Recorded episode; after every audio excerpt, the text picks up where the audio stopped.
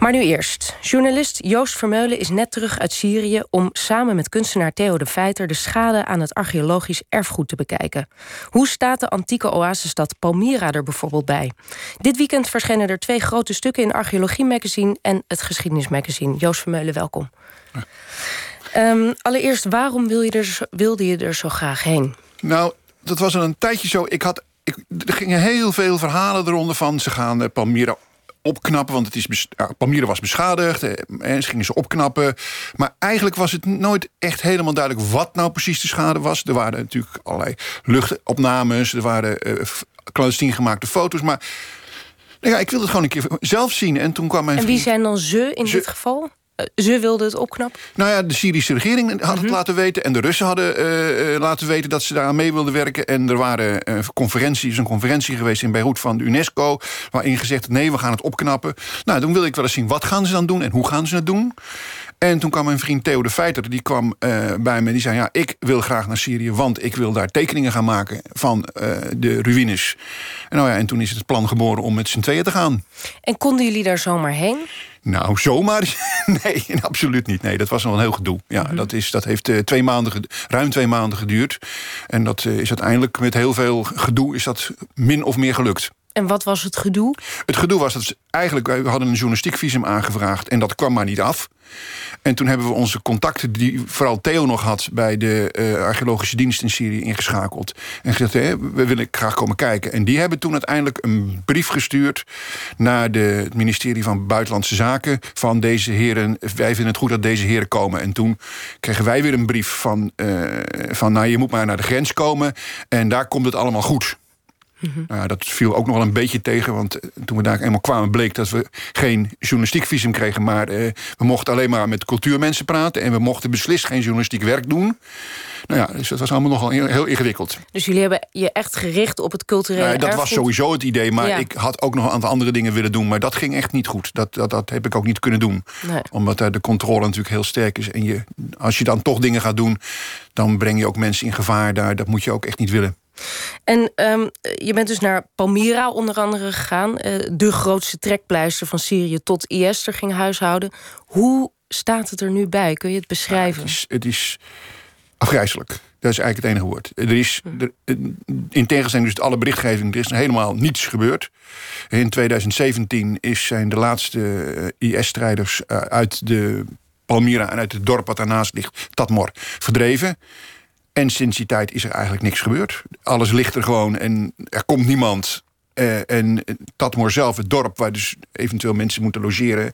Nou, daar staat geen steen op de andere. Er is helemaal niks meer van over.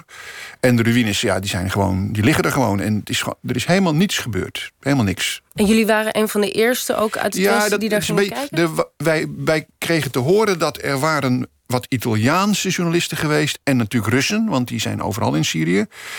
Uh, en die hebben ook een, een tv-reportage uh, gemaakt, schijnt het. Die, en dat is het. Ja, dus er is ook eigenlijk even helemaal geen interesse meer voor of zo? Nou ja, er is in, in Europa wel interesse. Er zijn allerlei plannen. Alleen dat, dat gaat over... Heel vaak is dat ook een soort profilering van mensen hier. Een mooi voorbeeld is, er is een, een uh, Engelse club die heel erg bezig is met 3D-reconstructies. Eh, en die hebben zich helemaal opgestort op het...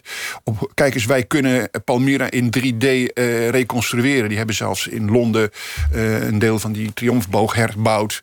Maar op het, op het, in het veld, in Palmyra zelf, gebeurt niks.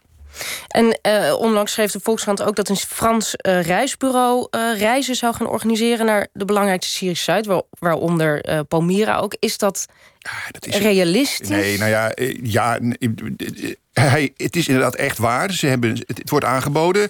En het schijnt dat er zelfs al reizen zijn volgeboekt, maar dat is gewoon ramptoerisme. Meer, meer kan ik er niet van maken. Ja. Want, het, want er is gewoon, ja... nou ja, ten eerste is is Palmyra al heel lastig te bereiken. Want normaal gesproken de, de, de, de, de snelle route vanaf Damascus loopt door de woestijn... die is nog steeds niet toegankelijk om veiligheidsredenen. Dus je moet heel erg omrijden via Homs. Nou ja, en dan moet je dus in Homs overnachten. Want in Palmyra zelf kun je niet overnachten. Dus je kunt, moet dan... Uh, vanuit Damascus eerst naar Homs... en dan nog, nog 400 kilometer de woestijn. En s'avonds weer terug. Ja. Want je kunt in, in, in, in Palmyra zelf, waar dus in dat dorp Tatmoor waren dus allerlei uh, hotels en, en uh, eetgelegenheden, alles, alles was daar. Daar verbleven de toeristen ook altijd. En dat, dat kan, er is niks, helemaal niks. Nee, dus het is een balletje wat opgegooid wordt en waarschijnlijk. Wat, nou ja, goed. En het, nee, kijk, het is natuurlijk. Kijk, het, het Syrische regime heeft er alle baat bij. Die willen zo snel mogelijk als het ware laten zien van... kijk, wij zijn de baas weer en wij kunnen ook weer... en je kunt weer naar Palmyra. Palmyra is altijd het uithangbord van het regime geweest naar buiten toe. Mhm. Dat is overigens ook een van de belangrijkste redenen... waarom Palmyra zo zwaar getroffen is door IS. Daarmee konden ze laten zien... kijk, wij kunnen het regime treffen in hun hart. We kunnen de belangrijkste toeristische plek kunnen wij gewoon vernielen.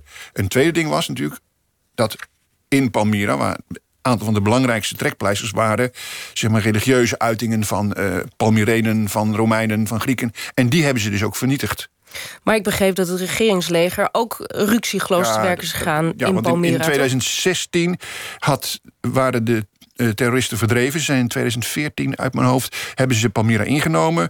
Toen uh, is het leger een offensief begonnen. Ze hebben ze verdreven. Maar toen is IS weer teruggekeerd. En toen hebben ze zich echt verschanst in de ruïnes.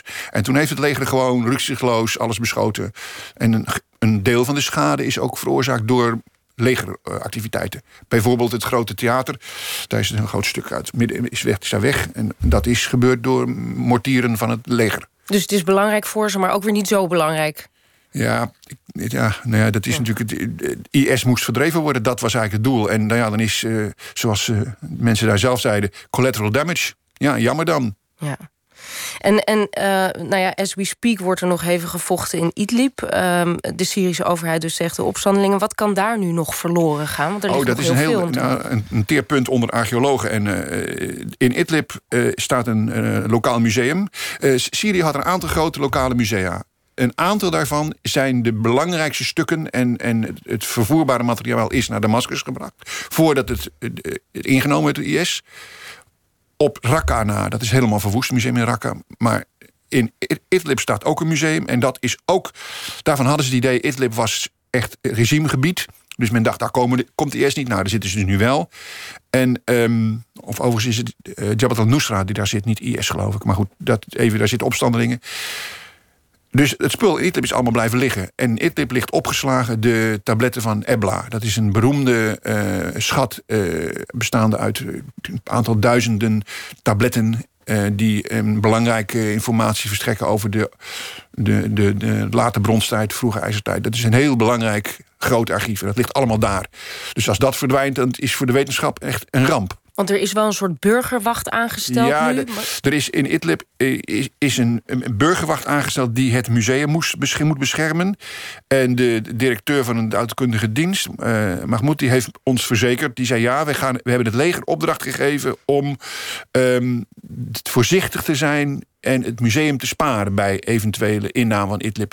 Maar ja, wat dat voorstelt, dat moet je nog maar afwachten. Want ik bedoel, het, het leger had ook die opdracht gekregen toen uh, Aleppo eh, heroverd werd.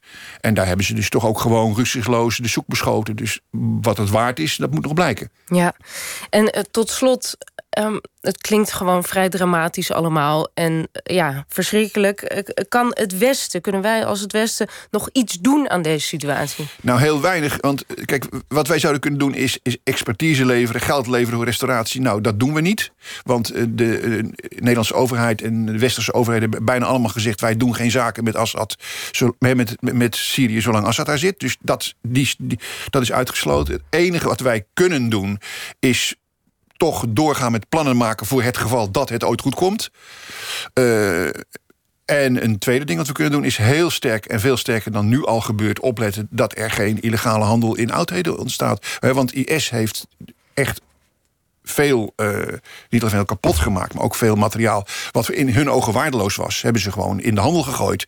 En ze gaven zelfs in hun door hen gezette gebieden, gaven ze vergunningen af aan burgers op te gaan graven.